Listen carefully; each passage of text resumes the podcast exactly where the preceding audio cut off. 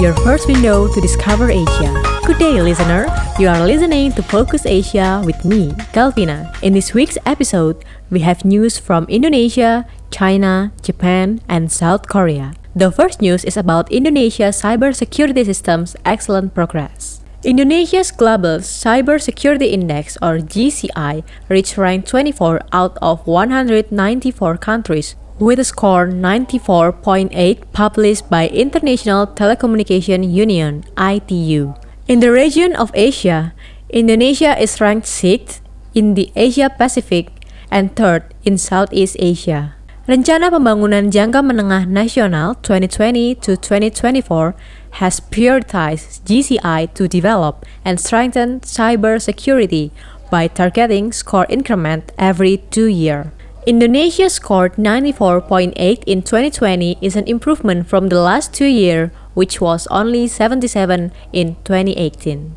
There are five aspects that will be analyzed legal measures, technical measures, organizational measures, capacity development measures, and cooperation measures.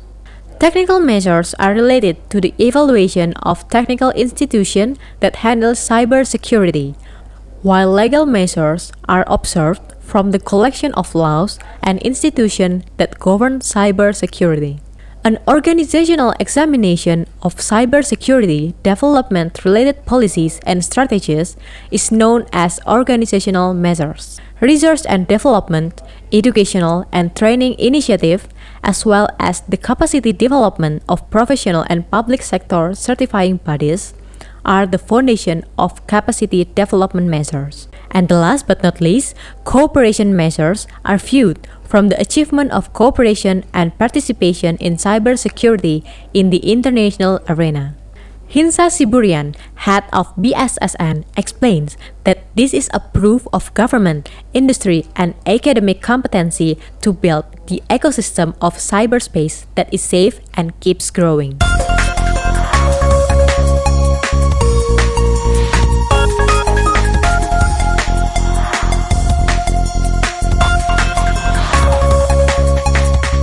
The next news comes from China. Chinese scientists will try to use the moon to get an unprecedented view of the early universe before the first stars began to shine. This mission is called Discovering the Sky at the Longest Wavelength, or DSL. They plan to send 10 satellites into the orbits around the moon.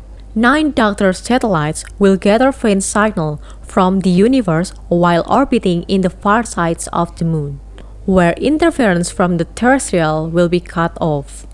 When on the near side of the moon, a mother satellite will receive the data from daughter satellites and broadcast it back to Earth.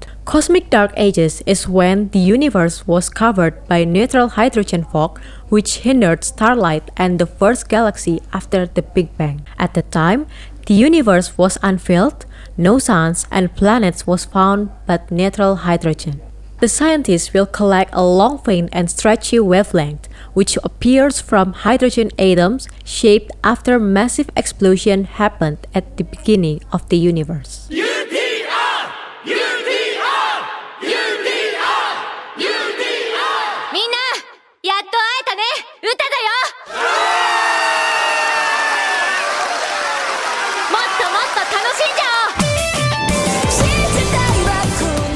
Moving on to news about Japan's legendary anime, One Piece. The 15th movie of One Piece franchise titled Red has made $16.9 million, surpassing Detective Conan, The Bridge of Halloween, which only made $9.4 million. Not only surpassing Detective Conan, One Piece Red also becomes one of Toei distributor best released based on gross income. One Piece Red gained 280% higher income compared to One Piece Stampede, which was their 14th movie. Toei expected that it could reach 10 billion yen, although it depended on how the news spread. On the other hand, the film received many critics on its first day.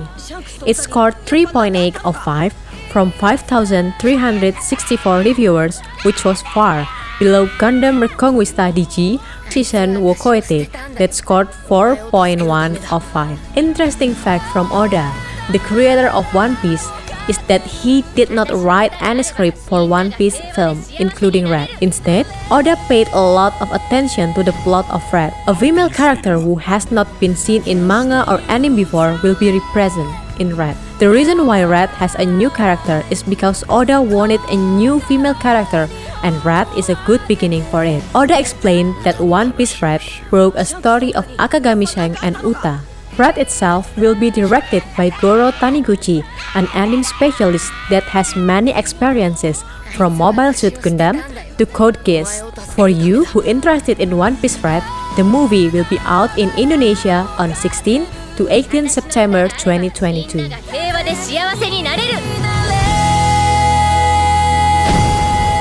One Piece Film Red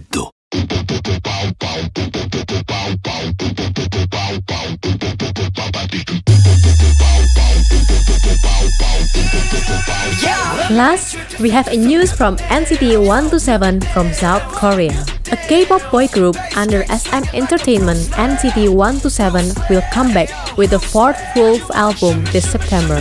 They are having a music video shoot this August and are on their last preparation. This comeback news has already been confirmed by SM Entertainment. NCT 127's upcoming comeback will be the first album released in 11 months after their repackaged album, Favorite, dropped in October 2021. Previously, in July 2022, NCT 127 celebrated their 6th anniversary through a live with their fans. In the live, they give some hints and spoilers regarding their upcoming album. NCT 127 is known as a triple million seller group due to their skyrocketing album selling every comeback. The news from NCT 127 closes today's episode. Don't forget to always listen to Focus Asia every week to update your knowledge about what happened in Asia. I'm Calvina. See you on the next episode of Focus Asia, your first window to discover Asia.